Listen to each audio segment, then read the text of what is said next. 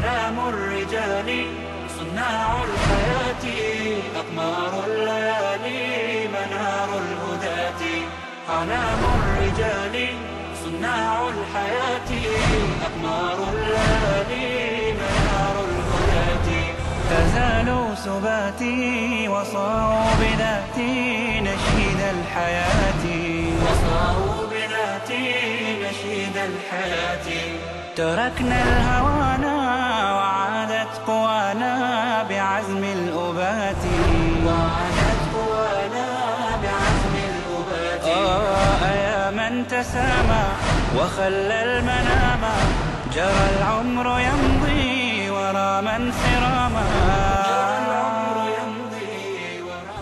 بسم الله الرحمن الرحيم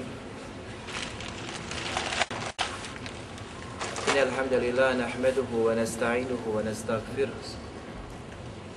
ونعوذ بالله من شرور أنفسنا ومن سيئات أعمالنا من يهدي الله فلا مضل له ومن يضلل فلا هادي له أشهد أن لا إله إلا الله وأشهد أن محمدا عبده ورسوله وقال ربنا في كتابه كريم بعد أعوذ بالله من الشيطان الرجيم يا أيها الذين آمنوا اتقوا الله حق تقاته ولا تموتن إلا وأنتم مسلمون Zaista zahvala pripada Allahu subhanahu wa ta'ala koga naš gospoda na pravi put uputi zaista je upućen a koga ostavi u zabludi neće mu naći nikoga ko će ga na pravi put uputiti svjedočim da nema drugog istinskog Boga osim Allaha subhanahu wa ta'ala i da je Muhammed alaihi salatu wa salam posljednji Allahu poslanik poslan sa istinom. Naš gospodar je kazao u svojoj plemenitoj knjizi Ovi koji vjerujete, bojte se Allah istinskom bogobojaznošću i ne umirite nikako drugačije osim kao muslimani. Zatim, assalamu alaikum wa rahmetullahi wa barakatuh. Zahvaljujem Allahu ala koji nas je ponovo sakupio i okupio na ovom Mubareć mjestu da nastavimo govoriti o njegovim veličanstvenim i lijepim imenima.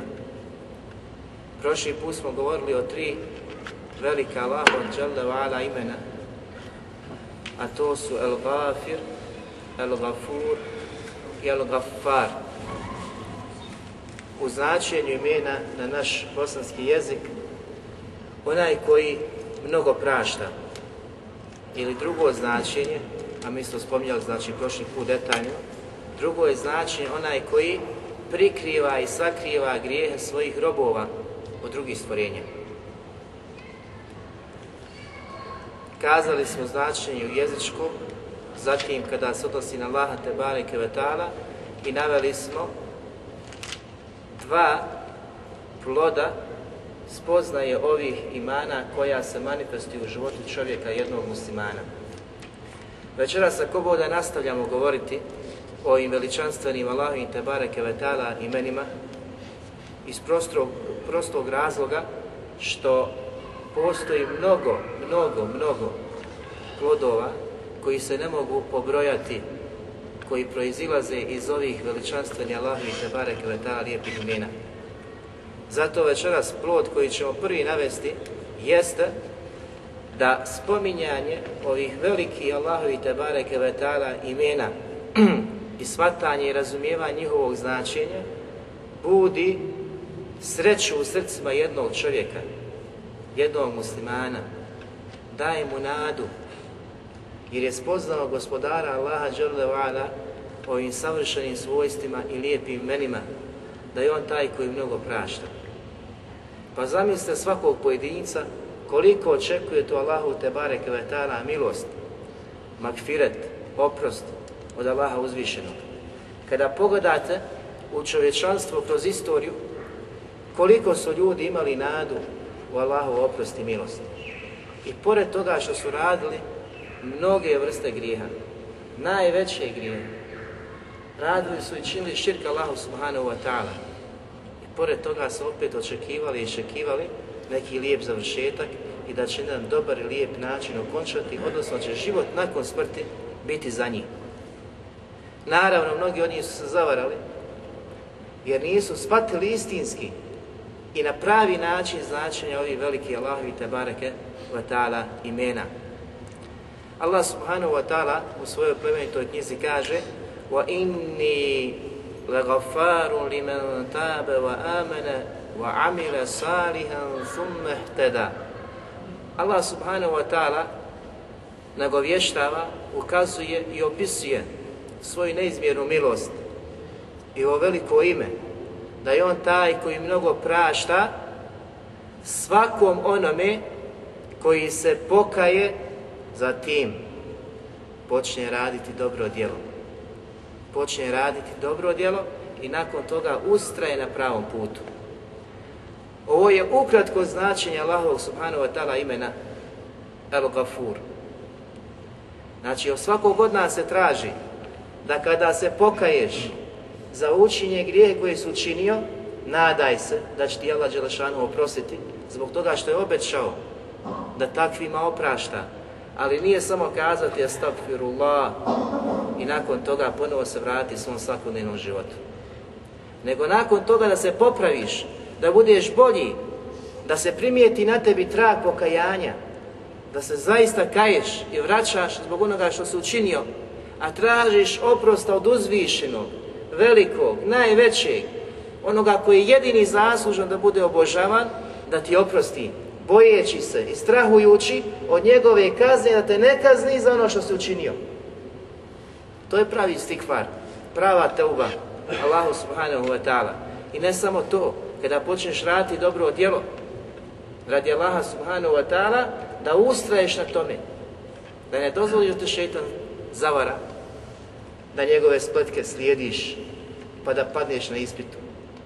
Ali i nakon toga nemoj da ideš u očaj, nemoj da gubiš nadu u Allahov rahmet i njegov, njegovu milost i magfiret, nego Allah ti daje drugu šansu. Ponovo zatraži oprost.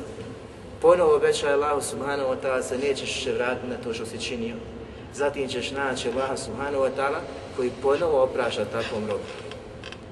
I tako sve dok on bude griješio i sve dok bude taj rob tražio oprosta naći Allah subhanahu wa ta'ala da će mu opraštati ali mora biti redoslijed da se pokaješ pa da ustraješ na dobru, da ustraješ na dobru, da budeš na tom pravom putu, pa ako se desi da te zavara, ponovo se vrati. A ne teuba, Bože moj, gospodaru moj, oprosti mi što sam učinio, pa nisi ni izgovorio, ti se vratio grijeh. Prošli put smo ukazali i kazali šta su učinjaci, kazali da je to izigravanje sa propisom teube i da je to izigravanje sa uzvišenim gospodarom Allahom subhanahu, subhanahu wa ta'ala. Ibn Kajim Rahimahullah je kazao Allahu opraštanje grijeha svojim robovima je njegova velika dobrota i milost koju ukazuje prema njima. Znači, da Allah Đelešanuhu oprašta iz svoje velike dobrote i milosti prema, prema robovima. I kaže on subhanahu wa ta'ala je novisan od bilo čega, od bilo koga od stvorenja. Zatim kaže, on nema nikakve koristi što njima oprašta. Allah nema koristi što oprašta stvorenjima, nikakve. Zatim nakon toga, jer njemu ne šteti njihovo nevjerstvo. Znači koliko god ljudi bili u nepokornosti uzvišenom Allahu subhanahu wa ta'ala, koliko god odbijali njegove naredbe, to Allahu subhanahu wa ta'ala ne šteti. S druge strane, koliko god je on opisao sebe, da mnogo prašta i da svima prašta, nema nikakve koristi od toga. Zatim kaže Ibn Kajim Rahimahullah, niti im, kaže, oprašta i straha od njih.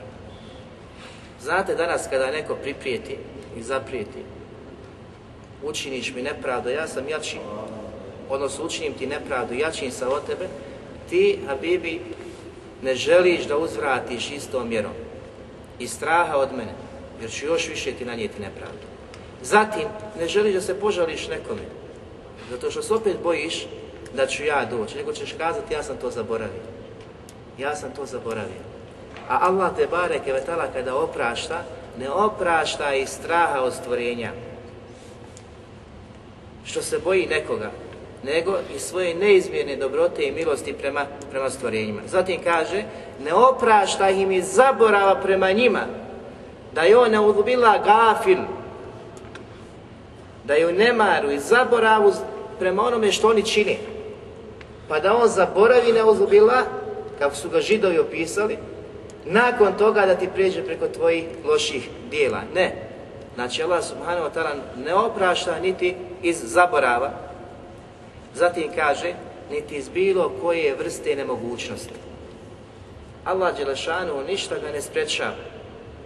Nije u nemogućnosti. Niti znači iz straha ili sličnih situacija. Allah subhanahu wa ta'ala oprašta isključivo iz svoje neizmjene dobrote i milosti prema svojim stvorenjima.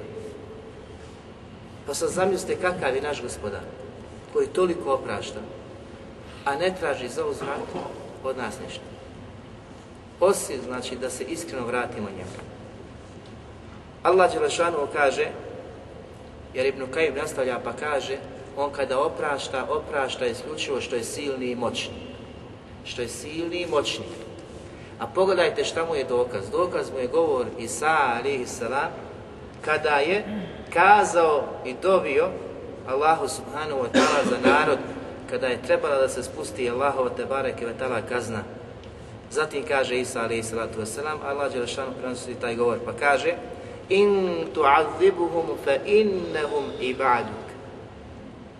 Ako ih kazniš gospodaru, zaista su oni tvoji ili tvoja stvorenja, tvoji robovi. Imaš pravo. Znači vlasnik ima pravo da radi šta hoće. Onaj koji posjeduje te robovi ima pravo da radi šta hoće s njima Allah te bareke kevetala ima znači to istinsko pravo jer je on Melik i Malik i Melik istinski vladar svih stvorenja ima pravo da radi šta hoće. I pogledajte Isa sa wasalam da na početku pojaša ako ih kazniš pa zaista su oni tvoji robovi, imaš pravo da radiš šta hoćeš. Zatim kaže وَإِن تَغْفِرْ لَهُمْ فَإِنَّكَ أَنْتَ الْعَزِيزُ الْحَكِيمُ ako im oprostiš, zaista si ti silni i moćni. Kaže ibnu Kajin, ovdje bi bilo, znači, po našem, od hikmeta, mudrosti, da dođe zaista sti gafur, gafurun rahim, onaj koji mnogo prašta i koji je neizmjerno milostiv. Ali Allah Đelešanu ovdje ukazuje i ovaj, ovaj koranski ajd završava da je on silni i moćni. Ibnu e, Kajim kaže, znači, kada oprašta, da to proizilazi iz njegove veličine, moći i snage, jer je on zaista u mogućnosti da kazni, ali i svoje neizmjerne milosti prema njima ne kažnjava, nego oprašta. S druge strane, iz svog apsolutnog znanja o njihovom stanju, znači Allah zna i posjeduje znanje o svim stvorenjima, šta čine, šta rade, ali opet znači moćan je i snažan i jak, da ih sve kazni, ali to ne čini iz s kog razloga, kaže, svoje apsolutne i potpune mudrosti. Znači, posjeduje mudrost i posjeduje znanje i moć, jačinu da kazni, mogućnost da kazni, ali on ne kažnjava zbog dobrote i milosti prema njima, kako je Ibnu Kajmi na početku znači pojasnio. Zato kaže na kraju, gospodaru moj, ti ne opraštaš osim svojom velikom moći, potpunom mudrošću i znanjem. I to je naš gospodar Allah Tebare U mogućnosti da kazni svakog nasilnika, svakog oholnika utreptaju i manje i brže od toga. Ali Allah Tebare to ne čini. Zato što daje mogućnosti, daje mogućnosti i pruža šanse svim stvorenjima. Ma u kakvom halu bili, ma šta činili, ma koliko velike grijehe činili, Allah subhanahu wa ta'ala svima njima daje šansu, pruža šansu i želi da se pokaju. Očekuje od njih to. Ali su ljudi ti koji nepravdu čine prema sebi, odbijaju, odbijaju znači Allahu te wa ta'ala milost koja je znači takva da pruža svoju ruku milosti i u toku noći i u toku dana za svakog onoga koji, koji je se ogriješio Allahu te bareke vetala njegovom pravu. I svaki od nas ima mogućnost do onog trenutka kada duša krene da izlazi iz našeg tijela. Do tog trenutka, Habibi, svi mi imamo šansu. I zato trebamo tražiti istikvar i moliti Allah te bareke vatala da nam oprosti. I nema insana, ma u kakvom halu bio, da sam sebi kaže mašal kako sam dobar ili da ga neko pohvali. Nema insana da je bezgrešan. Nema insana znači da ne griješi. A posebno vraćao danas u ovim teškim trenucima fitne i iskušenja, prije svega znači fitna u dunjalučkim problemima, zatim fitna u vjerskim, zatim fitna koja nas obtužuje u gibetu, nemimetu, u potvaranju, da li si sa ovima, da li si sa onima, znači šeitan na mnoge načine djeluje i želi da te pokvari, da te zavede i da budeš od njegovih sedbenika. Njegov cilj na Dunjaluku je, brate, da nije sam u džehennemu. On želi što više ljudi da zavede. Želi što više sjedbenika da nađe. Pa nemoj misli ako si izgovorio šehade da si sačuvan toga. Ako si počeo klanjati da si sačuvan toga. Nije, brate, nego si još više izloženi njegovim napadima. Jer kuća koja je pohabana i razvaljena, šeta nema što da radi kod nje. Nego radi kod one kuće koja je, znači, ukrašena imanom da takvu osobu zavede i zato nam dolazi sa novim načinima, novim metodama koji nisu prije bili poznati, možda na ovim prostorima. Pa želi da među onima koji su odazvali i koji su odlučili da krenu stazom Allaha subhanahu wa ta'ala i poslanika Muhammeda alaih da među njih ubaci kost, da njih zavede, da njih učini tim koji će jedni druge rušiti. Koji će jedni druge rušiti a on će sa strane samo da se posmijava i da kaže ništa drugo nisam učinio, sami ste sebi zlo na njim. Ja sam samo kao jedno što je Revajetu došlo, Etheru, da je stavio med pa su mravi i ostali došli, znači prvo mrav pa je došao gušter, pojeo mrav i ostalo, znači on sa strane posmatra. Tako je kod nas svaka riječ koju kažeš, koja može prouzrokovati tako, znači opasne stvari koje su velikog i teškog završetka kod svakog od nas treba čovjek da se pripazi, a smjernice najviše ima u Kur'anu i sunetu poslanika sallahu alijih veselem, a posebno onaj koji shvatio Allahu te bareke vetala imena i njihovo značenje i plodove koji izlaze iz ovih uzvišenih veličanstveni Allahu te bareke vetala imena. Čovjek se poboji, čovjek se boji da izgovori riječ, jer zna da njegov gospodar ga motri, da ga prati, da ga sluša, da vidi da mu ništa od toga nije nepoznato, kako onda možeš da se tako, znači sam sebi dopustiš da spominješ braću, da optužuješ braću, da ukazuješ na braću, da izbjegavaš braću, da ne selamiš i nazivaš selam braće. Odakle ti to pravo? Ko ti je kazao? I ako ti neko kaže, a svojim spoljašnjim izgledom liči na neko ko ima neko određeno šarijasko znanje, mi ne slijedimo osobe, niti smatramo nekoga svijetim, i to nam je zabranjeno. Međutim, od svakog se uzima na osnovu njegovog dokaza i argumenta ne raspolaže.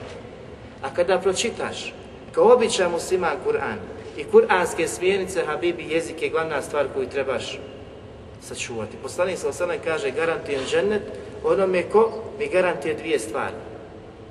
Dvije stvari, da će ih sačuvati, da će ih čuvati, da neće znači iskakati bez onog trenutka kada zaista treba da kaže istinu.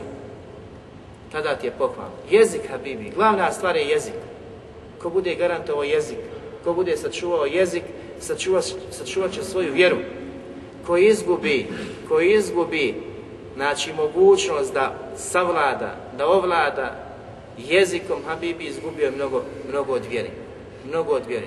I vidjet ćemo znači da su takve osobe u većini slučajeva koje se izbjegavaju i koje su nepoželjni u društvima i na sjelima, da, da se nađu kod onih ljudi koji zaista razmišljaju, koji su moralno uzdignuti za drugi, koji žude za ženetom i zadovoljstvom Allaha te bareke, te bareke vetara. Sljedeći plod spoznaju i veliki Allahi te bareke vetara imena jeste da muslima, nikada ne smije dokazati i dokazivati ovim značenjima ovih velikih imena da mu je dozvoljeno da griješi. Kao što je danas poznato, Allah je milostiv, Allah će oprostiti, mogu raditi što hoću. Znači to je poznato, je uopće poznato u društvu da ljudi rade, da su odali mnogim znači, vrstama grijeha i da na kraju očekuju da Allah Đelešanu da im oprosti. I zato smo kazali, ovo jeste velika, velika znači nagovi, odnosno veliko Allahu obećanje i radosna vijest da on opraše, da voli da oprosti i da mnogo opraša. Međutim, ovo ime treba shvatiti, razumijete, onako kako su razumjele prve generacije muslimana. Da Allah Đelešanu jeste obećava da će oprostiti, ali kome će oprostiti? Da li će oprostiti onome koji znači, tako hrabro izlazi pred Allaha subhanahu wa ta'ala i prkosi sa griješenjem, i na kraju kaže Allah će oprostiti, niti kaže firla, niti radi kakvo dobro djelo, niti ima tragova njegovom licu, njegovim djelima i postupcima pokajanja, da mu je žao što se ogriješio Allaha te bareke vetala, da ga je strah i da živi u strahu kako će okončati na sudnjem danu. Odnosno, ko garantuje tebi, Habibi, kad kažeš firla, da će ti biti oprošteno? Nisu mu atezile i vidjet ćemo njihovo učenje. Nismo ni kaderije i vidjet ćemo njihovo učenje šta i kako, na koji način smatraju ovu vrstu, znači Allahu i Tebareke osobina, odnosno svojstva opraštanja. Znači nismo takvi sekti, ali smo znači oni koji zaista želimo da budemo od pravca poslanika sallallahu alihi wasallam. Allah Đelešanu kaže In takunu salihina fa innahu kana lil awabina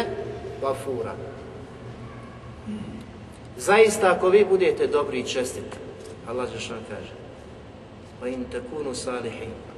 Ako budete čestiti i dobri prema takvima, Allah obećava pa kaže, zaista je On taj koji mnogo prašta onima koji se kaju.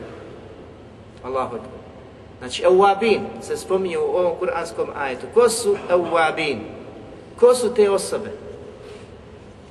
Ibn Đerir komentator, znači mu fesir Kur'ana, kaže da su to osobe koje mijenjaju svoju situaciju, znači oni koji se mnogo kaju i koji traže da lađe ošan ali mijenjaju svoju situaciju nepokornosti u hal pokornosti. Allah Đelšan će, kaže i obećava da će takvima oprostiti.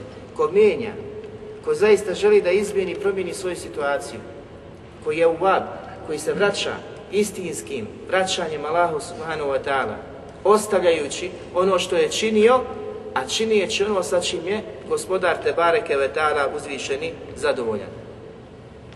Abdurazak prenosi drugu predaju pa kaže od Ubejde ibn Umeira koji kaže ubrajali smo one koji se puno kaju i koji se čuvaju određenih grijeha da su to osobe koje kada ustanu sa nekog skupa kažu gospodaru oprosti mi.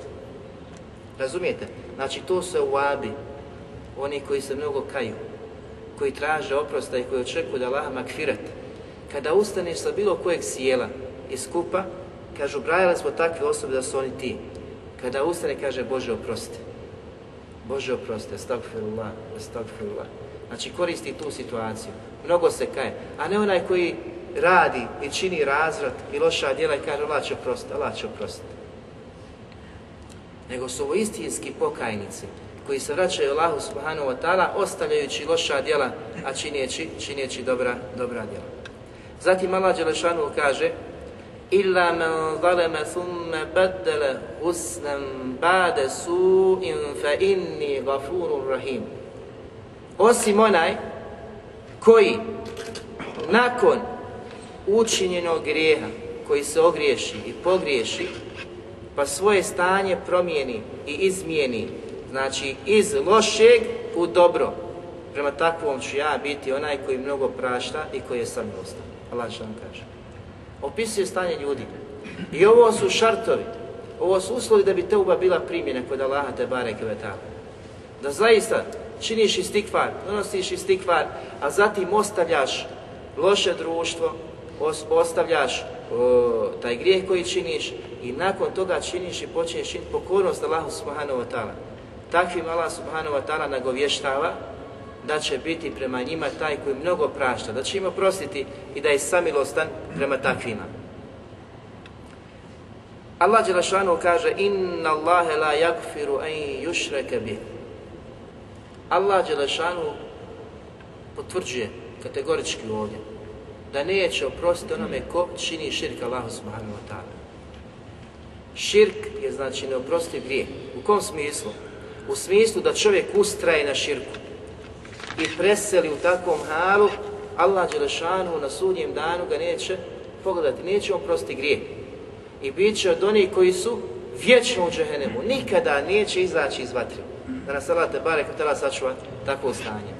Znači, onaj koji učini širk, i ustraje na tome i preseli na tome, Allah subhanahu wa ta'ala tako obećao da neće oprostiti. I pored svoje neizmjerne milosti. Takvim Allah subhanahu wa ta'ala neće, neće oprostiti. Međutim, zbog čega Allah Žešan neće njemu oprostiti? Zato što je ustrajao u jednom stanju, halu, do svoje smrti. I preselio je na tome, a da nije izmijenio, da nije popravio svoje stanje. Te u Teugom, istikvarom. Znači, ne možeš ustrajan biti u griješenju i da na kraju očekuješ da Allah makfirat i oprost. Nego moraš mijenjati, izmijeniti svoje stanje. Ovo se prvenstveno znači, misli na sve vrste grijeha.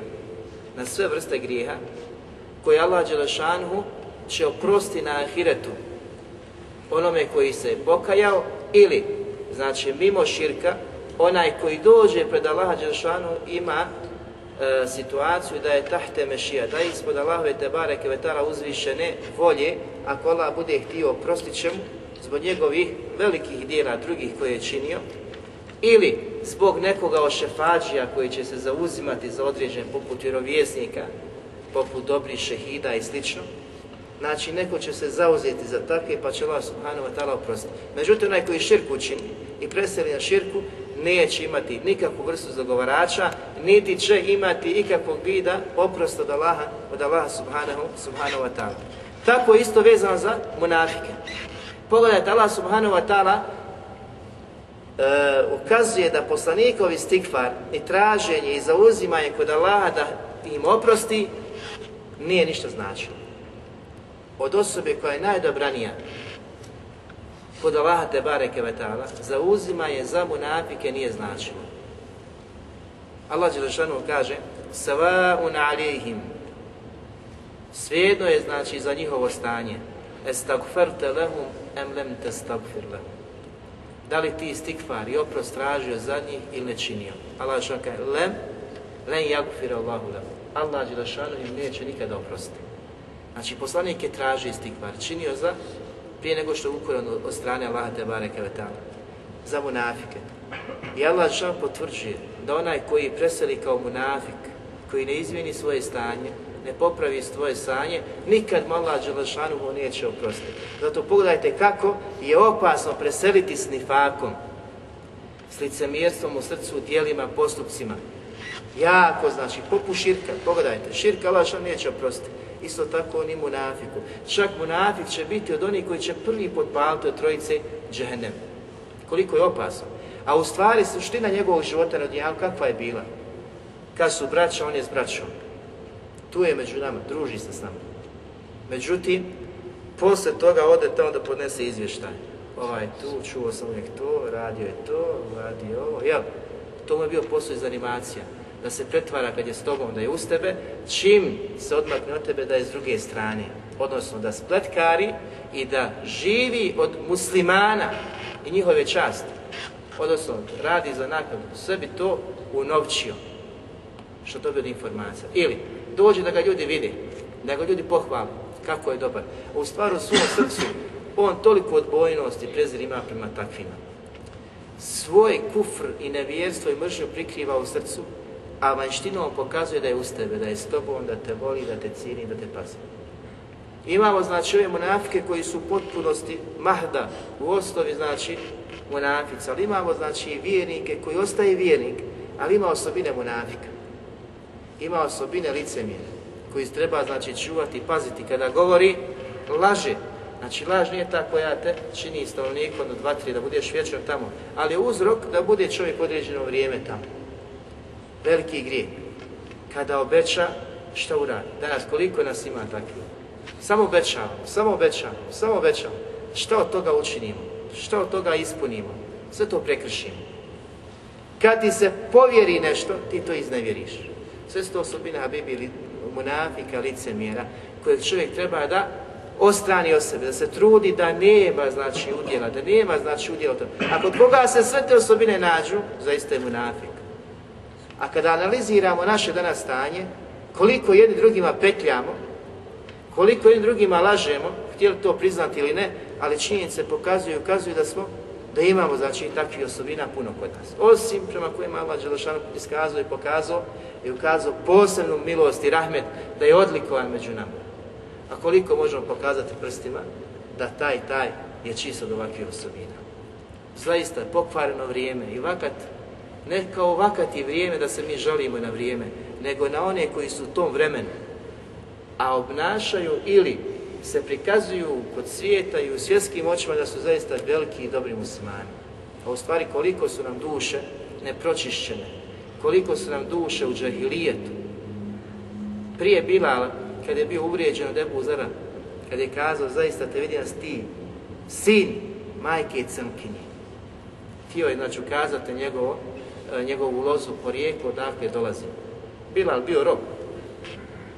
I toliko je, znači, on tražio riječ koju on će ga povrijediti. I našao je riječ. Ali poslanik Ali Veselam dolazi i rješava, pa kaže, je zaista je tebi, u tebi ostala osobina džahilijeta. Jednu rečenicu rekao, odnosno jednu riječ. A pogledajte kako on to rješava, kako se on kajio takve osobine, kako je on ostranio od sebe odlazi i traži Bilala, radi radi Allahu. Kaže Bilale, oprosti mi što sam kazao, kaže ja sam to davno, kaže, oprostio. Međutim, on ne ostaje na tome, nego spušta svoje lice, kao ashab poslanika sallam, na pustinski pjesak i kaže, stavi svoje stopalo na moje lice. Predostrani tu osobinu koju je vidio poslanik da je ostala osobina džahdijeta u njegovim prsima da to još nikad se ne desi, da ne izlati više, neka, e to je moja uzreč, ostala žehlijeta. Danas kada čuješ braću, kada znači počinje da govori, da kazuje, govori nekim riječima koji su zaista veliki znakovi žehlijeta, pa brate nemoj to makar ostalo uzrečica. A sahabi su to, znači na ovakav način ostranjivali. Na ovakav način. Pogledajte. A koliko mi danas povrijedimo našu braću većim riječima od ove riječi. I ništa, kod se ništa nije desilo. A da ne govorimo o potvorama i lažima, pronevjerama ili prodavanjem određenih, određenih osoba drugim za ono što malo vrijedi. Krv musmana je velika i na velikom položaju kod Allaha Đelešanu. Znači na velikom položaju većem od rušenja Kabe. Da gledaš kako se Kaba ruši, čast muslimana je veća. Veća od toga. Znači se danas kada je došao neko je počeo čupati kamen po kamen iz kabe. Koliko bi to muslimana skočilo da ga davi, da ga bije, da ga protjera. A muslimani se vrijeđaju svugdje. Gotovo da nema društva i sjela i mjesta da se musliman ne vrijeđa, mi ništa. A kad ka, kaba se ruši, subhanova, kaba se ruši, to bi već kao smak svijeta da je počeo. Koliko mi nismo shvatili prioritete u vjeri i osnove vjere, a oni koji su shvatili te osnove i čast muslimana živjeli svakim životom kao što smo naveli, znači Ebu Zara i Bilala i ostali ashaba, to bratstvo koje je bilo među njima, koji da, danas mi pričamo, prepričavamo i vidimo samo u knjigama da ima i da postoji. Međutim, u našim sjelima, našim zajednicama, našim mjestima puno toga nedostaje. Zato trebamo raditi na tim stvarima da se izmijenimo, da se popravimo, da budemo, da budemo bolji. Allah Đelešanu kada govori o munaficima i njihovim osobinama, ukazuje da oni prije svega nisu imali ihlasa u svojim djelima. Nisu bili iskreni i to je ono što je najveći problem i Bela je bio kod njih. I danas, kod munaficima. Znači, ihlas, glavna stvar, ili od temeljnih stvari da bi ti djelo bilo primjeno, je iskrenost u ime Allah Đelešanu da radiš i drugo da je to u skladu sa šerijatom, sa onim sad će mi došao poslanik sallahu alijih veseleme, neš izmišljati badete, neš biti pametniji, ne, nećeš se smatrati da su upućeni od poslanika alijih sallatu veselama, sahaba i koji su islijedili, pa ćeš kazati ovo može, ovo ne može, ja mislim da je ovo dobro, ne bi trebalo, ne. Šerijat je, znači, upotpunjen na velikom hađu, za vrijeme poslanika sallallahu alejhi ve sellem. Al yawma akmaltu e, lakum dinakum danas sam vašu vjeru upotpunio. Nema se više što tu dodati i oduzeti. Vjera je upotpunjena. Allah potpunio vjeru. Tvoje da slijediš. Ti si obavezan da slijediš Kur'an i sudet poslanika sa sebe. Ne da oduzimaš i da dodaješ u tome. I kada to budeš provodio, da budeš muhlis, da budeš iskren u tome što činiš, da radiš to radi Allaha subhanahu wa ta'ala, ne radi ljudi, ne radi džemata, ne radi nekog imena džema što predstavlja i zajednica, a bi isključivo radi Allaha Nema da te vodi neka stranka. Stranka može biti u smislu džemata, govorim kao džema stranka, džema da bude sredstvo da dođeš do velikih ciljeva, do velikih ciljeva. A ne znači da bude ti to ono ko je sa mnom, uz mene i moje, ko je na drugoj strani nije znači uz mene i protiv mene je, nije shvatio, nije razumio. To su načini dolaska do određenih ciljeva. Suština treba biti ista, isti treba biti cilj, a to je Allaho te bareke vetara zadovoljstvo i vječna kuća džennet, slijeđenje poslanika i ljubav Habibi. Zar mi ne želimo da budemo uz poslanika u džennetu?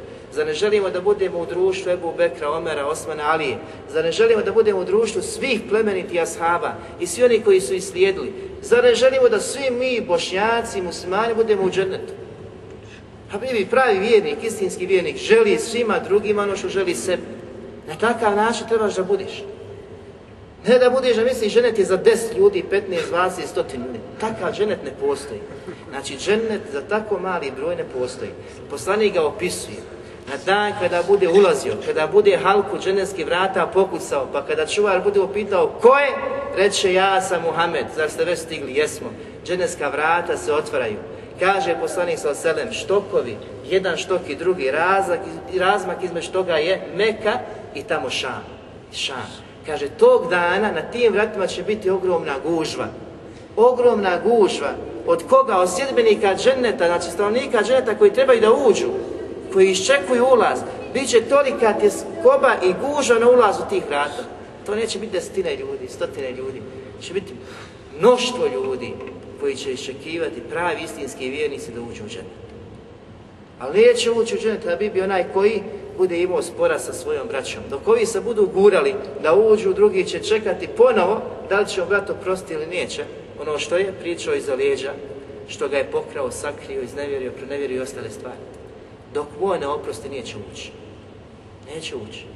Jesi li spreman da budeš?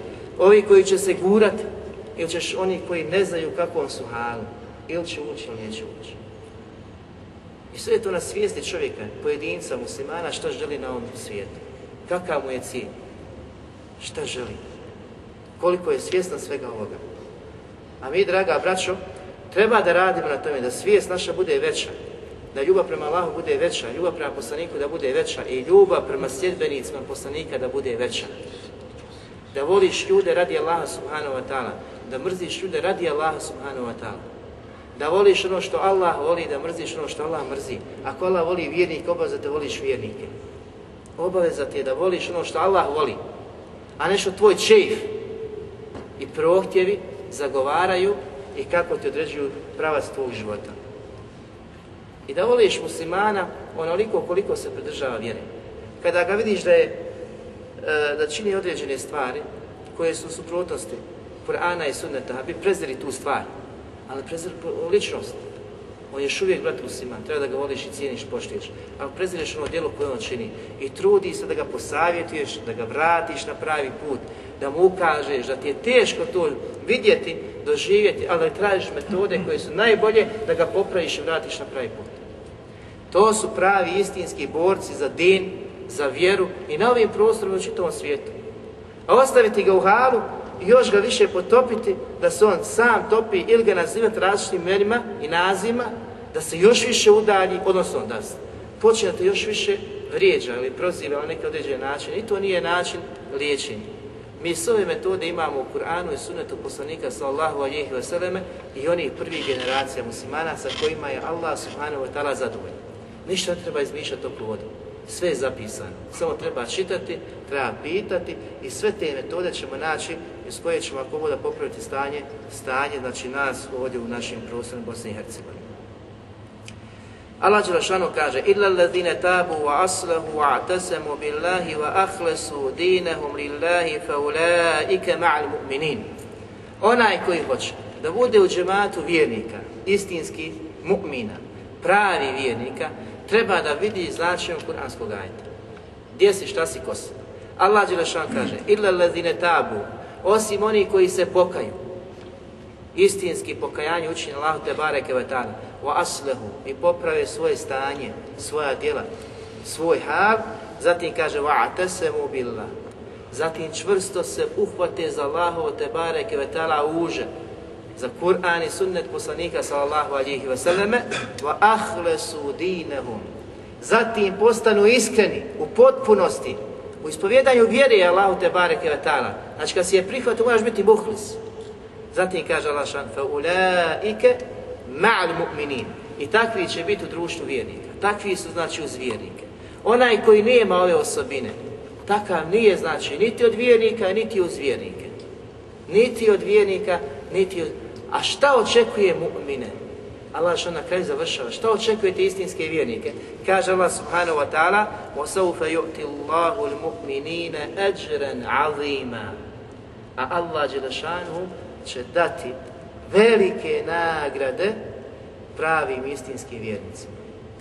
To je ono što očekuje vjernika, istinskog pravog mu'mina. Ako želiš da budeš od njih i da budeš uz njih, teuba Habibi. Prvo je teuba. Zatim, da popraviš izmjeni svoje stanje, da budeš daleko bolji, zatim da se prihvatiš Allahovog puta onako kako on traži zahtjev od tebe i suneta poslanika sa oselem i da budeš muhlis na tom putu, iskren, da sve što činiš i radiš, da radiš od Allaha Đelešanu, možeš biti u kategoriji s vjernicima.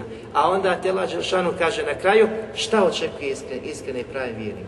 Allahova, znači velika, velika je nagrada a eđrena to je nešto neopisivo, neshvatljivo, nepojmivo što očekuje vjernike u ženetu. Šta god da si čuo, tamo je veći, tamo je bolji, tamo je uzvišeniji. Uši što nisu čule, oči što nisu vidjele, mašta što nije mogla dokušti pomisliti. Šta god da pomisliš, a bibi, tamo je bolji, tamo je veći. Tamo su nagrade, one prave istinske koje očekuju, a bibi, vjernika. Ne nekoga ko hoće ovako, hoće onako istinskog, pravog vjernika, koji živi život koji Allah subhanahu wa ta'ala odredio u Kur'anu i sunetu poslanika sallahu alihi wasallam. To su pravi istinski mu'mini. Takvi mogu očekivati da uđu u dženet bigajri i bez obračuna. Svi mimo njih su pod velikim upitnikom. Pod velikim upitnikom. Svi muslimani, svi oni koji griješe i velike grijehe rade, svi su pod upitnikom. Niko im ne garantije uspjeh. Uspjeh od Allaha dolazi garancija za mu'mina, pravog, istinskog vjernika koji je predan Allahu te barek je ta 24 sata. 24 sata je predan. Razmišlja Allahu o velikim nagradama, strahuje od kazne. To je njegov put. Gleda dobročinstvo čini vjernicima, da im pomaže. Znači sve ono što su osobine vjernika, to je mu'min. Punog i potpunog imana. Sve što mu nedostaje od tih osobina, on je napis. On je nepotpunog imana. Ne može znači biti istin onaj koji prednjači u dobročinjstvu i onaj koji jel, uradi jedno ili dva dobra djela u toku dana. Kako će biti isti, odnosno kako će biti isto nagrađen jedna kategorija i druga kategorija.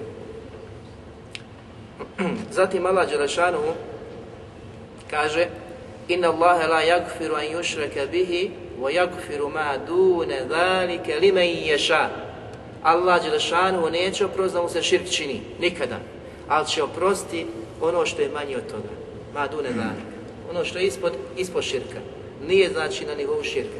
A to su svi ostali grijesi. Po većinu učenjaka su znači mali širk i ostale stvari. Mada ima znači učenjaka koji kažu nema razlike mali i veliki širk. Šej Feuzan ne pravi razliku između malog i velikog širka. Zato znači treba kažeš ne bila majke mi, oca mi i slično, da bude svjestan da ako ne učiniš teubu i pokajanje za to, da možeš biti od onih koji, koji će biti u vatri vječnom. Znači ima oni koji smatraju učenjaka da mali širk je poput velikog. Sve što je nazvano širkom je širk. Međutim, kažemo da je ispravnije mišljenje većine učenjaka koji pravi razliku između malog i velikog, da ne spada znači pod ovu prijetnju velikog, velikog širka da će biti vječno vatri. I ovdje znači stav ehli sunneta kako smo kazali, da ehli sunnet vjeruje čvrsto, znači oni koji slijede poslanika alaih sallatu wasalam, nemaju novotarije u svom pravcu i slijedženju, oni vjeruju da onaj koji preseli, a činio je velike grijehe, zinalčio, bludničio, pio alkohol i slično krao, ako takav preseli, a nije kazao Bože moj, oprosti mi, kajem ti se, i iskazao pokajanje, izmijenio i promijenio svoje stanje, da još uvijek ima nadu na ahiretu, kada budu stvorenja proživljen da mu Allah subhanahu wa ta'ala svoje nezmijene milosti ne oprosti. Ne svima, neko pojedincima od njih. I to kome Allah bude htio. Me iješa, kome Allah bude htio. Što znači, s druge strane, nikomu ne garantuje da će biti od onih kojima će Allah oprostiti. Nema garanta. A s treće strane, kada se pogledaju dokazi, velike su prijetnje za svako navedeno djelo od kebaira, velikih grija Da će biti osnovnika vatri. Znači, to mu je prijetnja kojom Allah te barek zastrašuje prijeti one koji čine velike grijehe. Što znači da je on pod prijetnjom. A s druge strane nikomu ne garantuje da će mu biti oprošten. Nego ima jedan vid, znači doza nadije da će Allah te barek vetala oprosti na ahiretu. To je jedno znači svata ehli suneta. Nismo znači poput onih koji smatraju da čovjek koji učini veliki grijeh, a ne pokaje se i vrati sa Allah subhanahu ta'ala će biti od stanovnika vatre poput koga? Poput džehmija ili poput znači e, koji na Dunjaluku ga ne svrstavaju niti u vjernike niti u nevjernike, A na Ahiretu su odredili vječnu kuću džehnema. Znači ako se, ako se ne pokaje.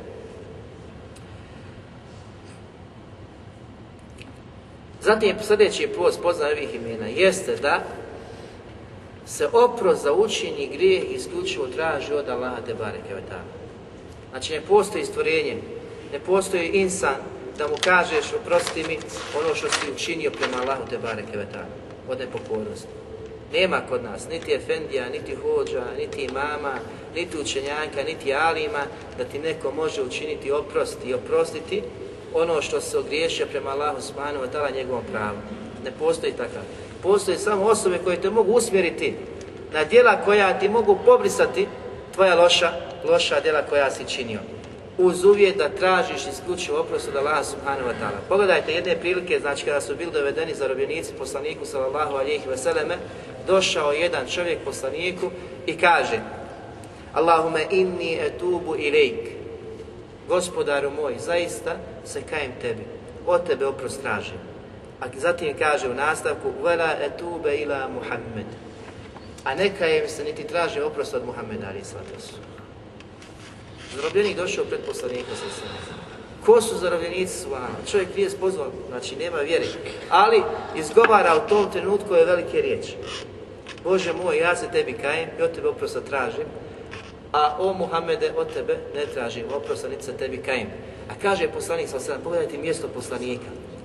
Znači, kao poslanik, vjerovijesnik. Kako na kraju završava? Podučava umet da je ova osoba spoznala Allaha Đelšanu, pa kaže arafel haqqa li ehli. Zaista je on spoznao kome istinski pripada pravo oprosta. Allah subhanahu ta'ala, niko drugi. Nije ustan šeha Albani, kaže hadis vjerodostojan. Znači, da jedini ko oprašta, od koga se traži oprost za učinje grijehe, Allah, Allah te bareke, te bareke ta'ala. Zato Allah Đelešanu kaže wa zaista je Allah Đelešanhu jedini dostojan da ga se stvorenja plaši. Jedini dostojan. I s druge stranke, on jedini prašta, ehlul, mag, ehlul magfire. On je jedini taj koji je zaslužan i od koga se može tražiti oprost. Jedini je u mogućnosti oprosti, niko drugi. Niko drugi, znači, to je pravo Allaha subhanahu wa ta'ala. I zato čovjek šta god da učini, traži oprosta od Allaha subhanahu, subhanahu wa ta'ala. U hadisu radi Albanuhu, koji prenosi od poslanika sallahu alihi vseleme da je kazao hadis je kuci, ono kaže. I ovaj hadis je znači hadis koji e, prije svega svako istinsko muminsko srce voli ga čuti, makar ga znao na ne znam od kada. Znači, nema insana da ne voli čuti ovaj hadis. Kaže poslanik sallallahu alihi ve prenoseći govor Allah subhanahu wa ta'ala: "O sine Ademov, kada god me pozoveš, zatražiš oprost kaže Kaže Allah I ponadaš mi se. Ja ću ti sve oprostiti i na to se neću osvrtati. Allah šano obećava. Nije poput stvorenja oprostiti, danas sutra ti prozove čim nešto skrije a ja sam ti jučer tu radio to, to. Neću se osvrtati na to. Kad ga god pozoveš, kad god zatražiš da ti oprosti, Allah subhanahu wa ta'ala obećava da će oprostiti i neće se osvrtati na to. Zatim kaže, o sine Ademov, i da tvoji grijesi budu toliki da dosegnu nebesa.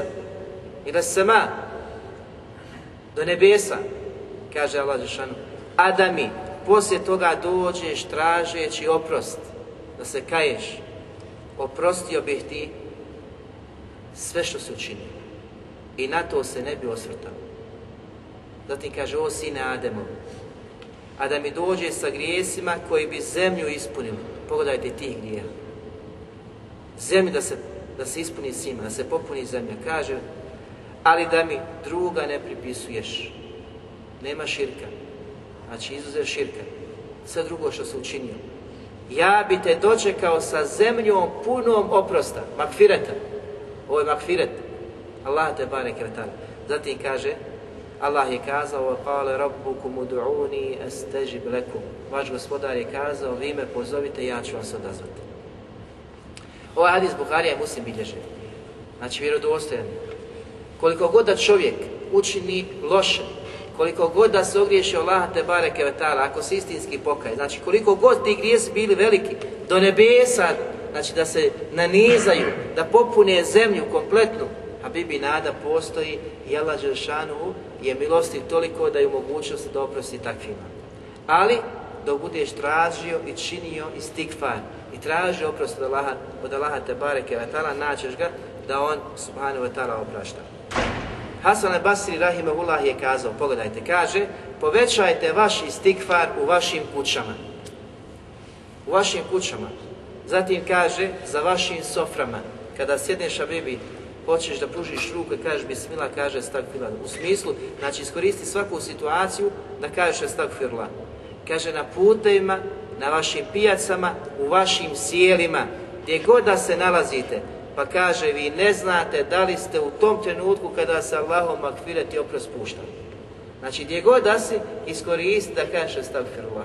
Pa ćete vidjeti znači one koji su oskočili i u znanju i u praktikovanju znanja da puno puta izgovaraju s Ne što se on dodvorava i da neko čuje kako je mašao dobar, pobožan, nego bi što je shvatio ove stvari.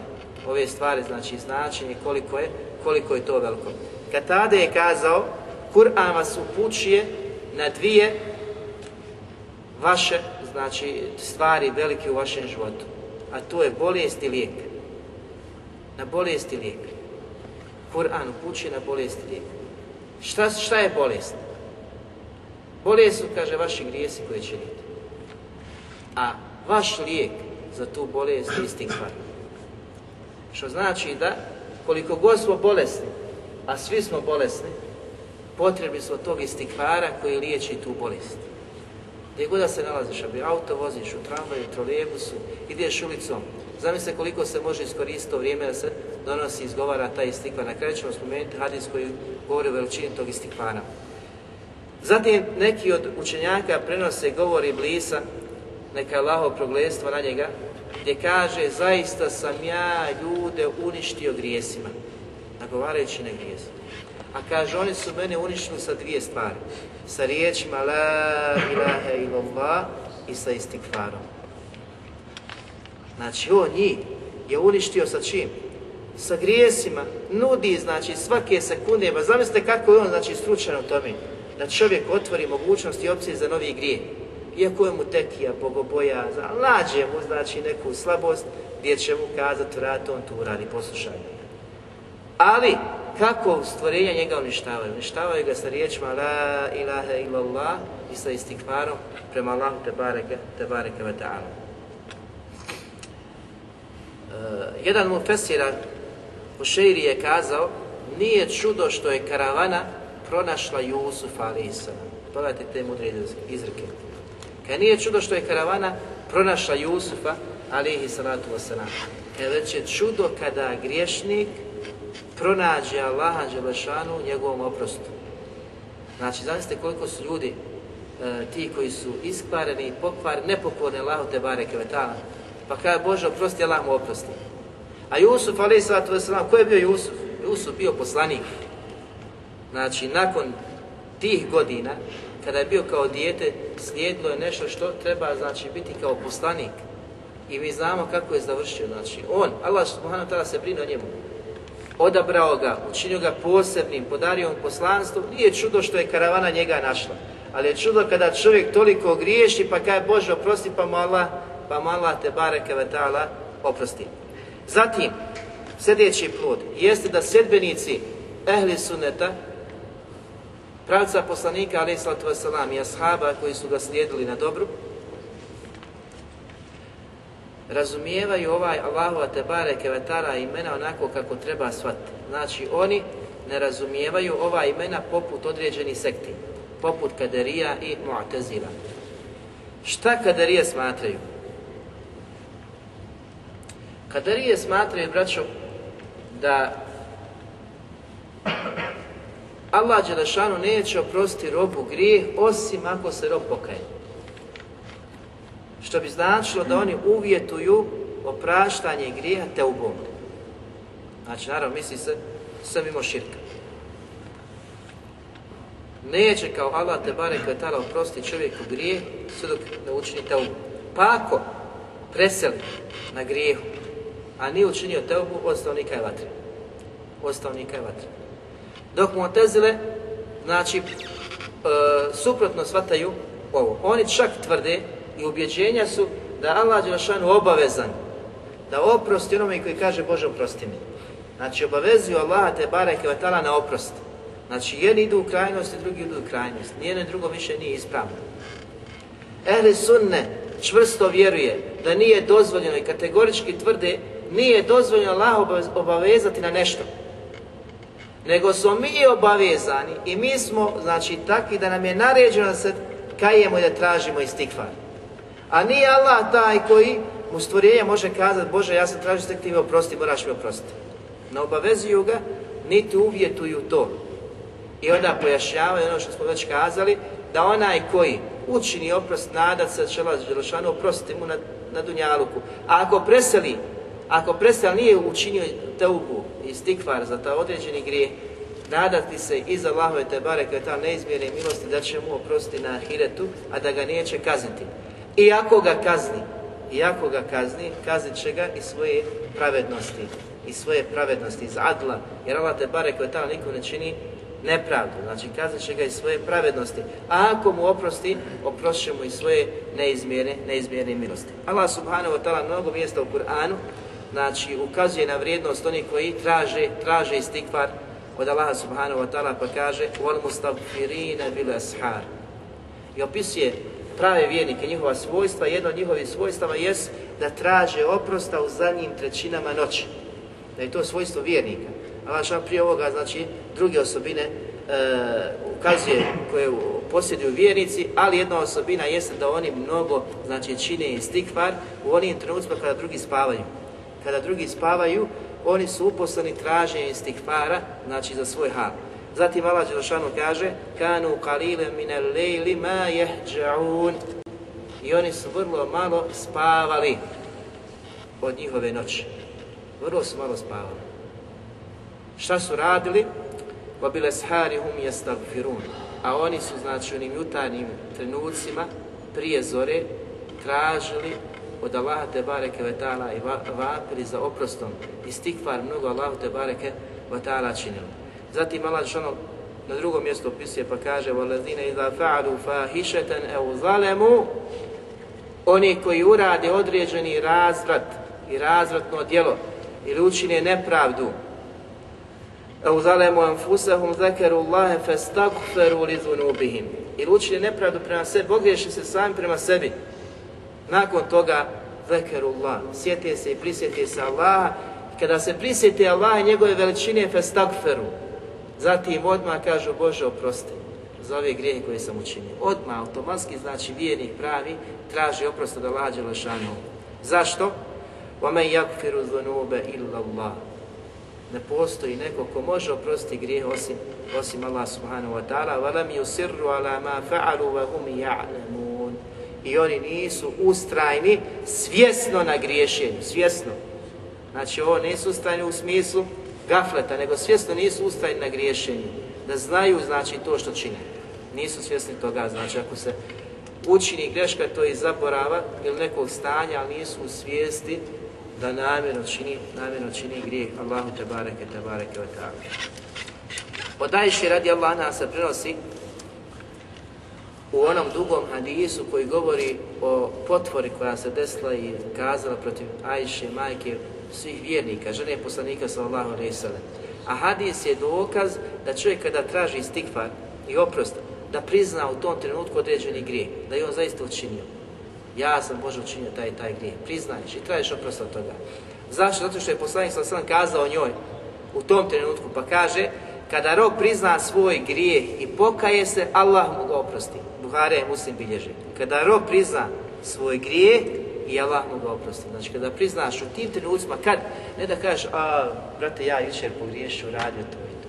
To ne. Znači on ne ide se, nego se priznaje grijeh prem e, Allaha te bareke vetala kada tražiš oprosta, a ne da ideš ulicom i da se hvališ kako si ti učinio grijeh.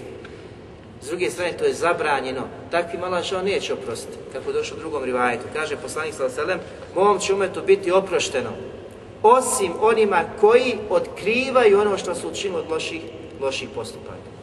Znači, bit će oprošteno mom umetu osim onima koji idu javno pričaju da su učinili to i to. A danas situacija naša u Bosni, kada vidimo hal svijeta, i ljudi koji nas optužuju koliko se hvale šta je radio sinoć, šta će danas uraditi, šta će uraditi u ove sedmice, šta će uraditi u godišnju trenucima odmora, znači sve je on sebi isplanirao, a kad vidiš u većini slučajeva sve ono što govori i kazuje su vrste nekih grija koje Allah te bare kvetala zabranio.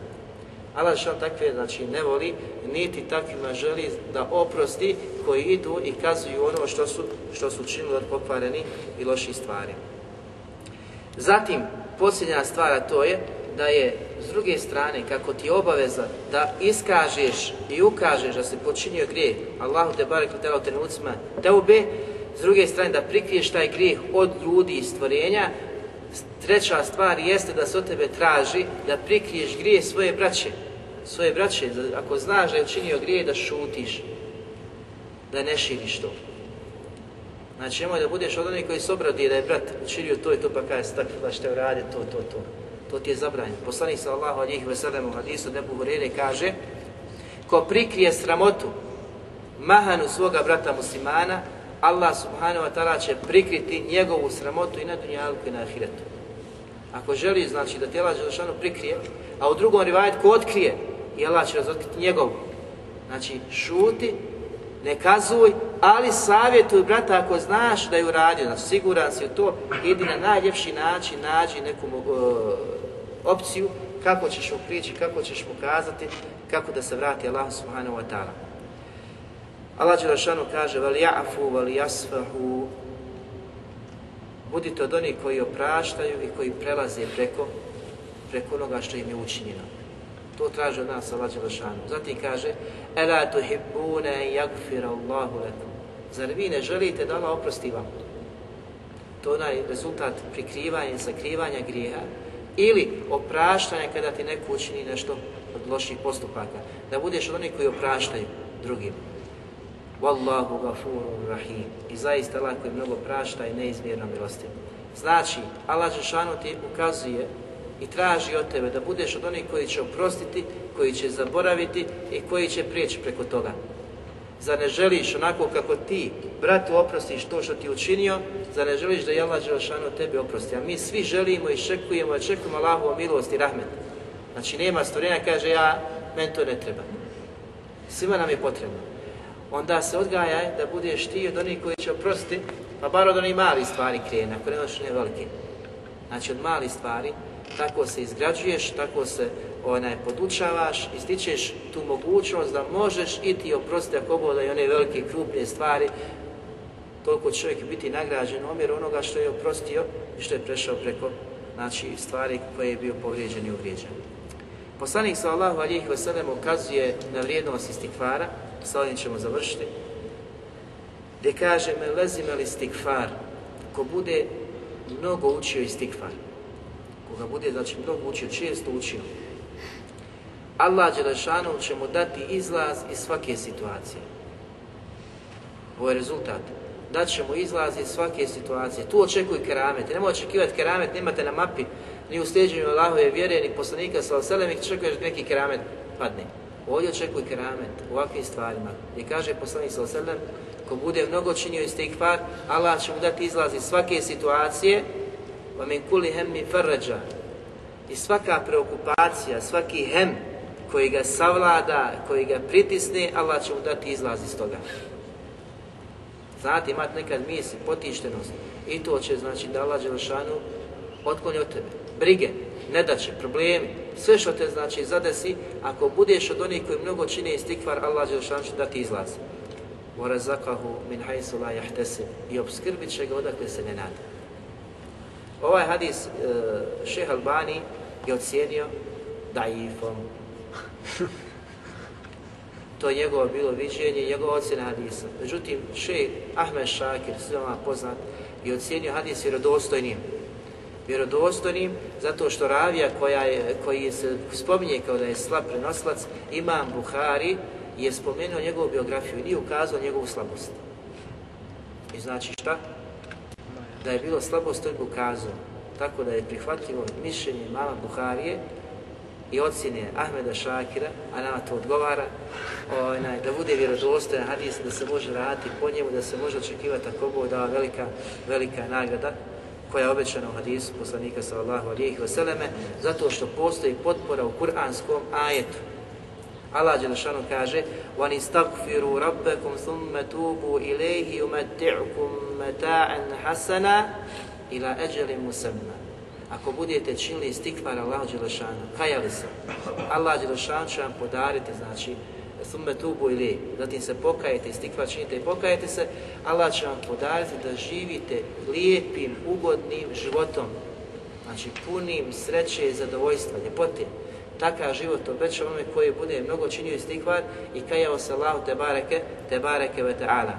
Vajuti kulle li fadlin fadle i da će svakom onome koji je činio dobro, da će Allah subhanahu wa ta'ala neograničeno, neograničeno dobro. Wa in tawallu fa inni akhafu alaykum azabe yawmin kabir. A ako vi okrenete glave od ovog pravog puta, zaista se ja bojim za vas poslanik sa sada, znači obraća se na govor poslanika, zaista se ja bojim za vas i strahujem onog velikog dana da vas ne slađe velika, velika kazna od Allah subhanahu wa ta'ala. Što znači da je prijetnja svako onome koji izbjegne iz stikla ili te ubo Allahu te bareke, te bareke wa ta'ala da se za tako bojate Molim Allah subhanahu wa ta'ala da oprosti nama našim roditeljima. Da nas pomogne na ovim našim prostorima Bosne i Hercegovine, da ujedi naše safove, da zbliži naša srca, da nam usadi ljubav, onu brasku kakva je bila prisutna u vremenu poslanika sallallahu alihi vseleme među osadima, Prvenstveno znači među e, muhađirima, zatim između muhađira i ensarija. Molim Allah Đelešanu da nas učini od onih koji će raditi za ovaj din, da rade na onom i po onome sa čim je on subhanahu wa ta'ala zadovoljan, da ne budu od onih koji će svojim jezicima, svojim postupcima biti od onih koji će usađivati fitnu među redove muslimana. Da nas učini od boraca koji će ujediniti safove muslimana. Da nam podari i nadahne metodama koji će rezultirati takvim lijepim okončanjem subhanak Allahumma hamdik ashhadu an ilaha anta wa da vas Allah nagradi i s ovim smo završili ono što smo mislili kazati po pitanju velikih Allahi Tebare Kvetala imena El Gafir, El Gafur El Gafar.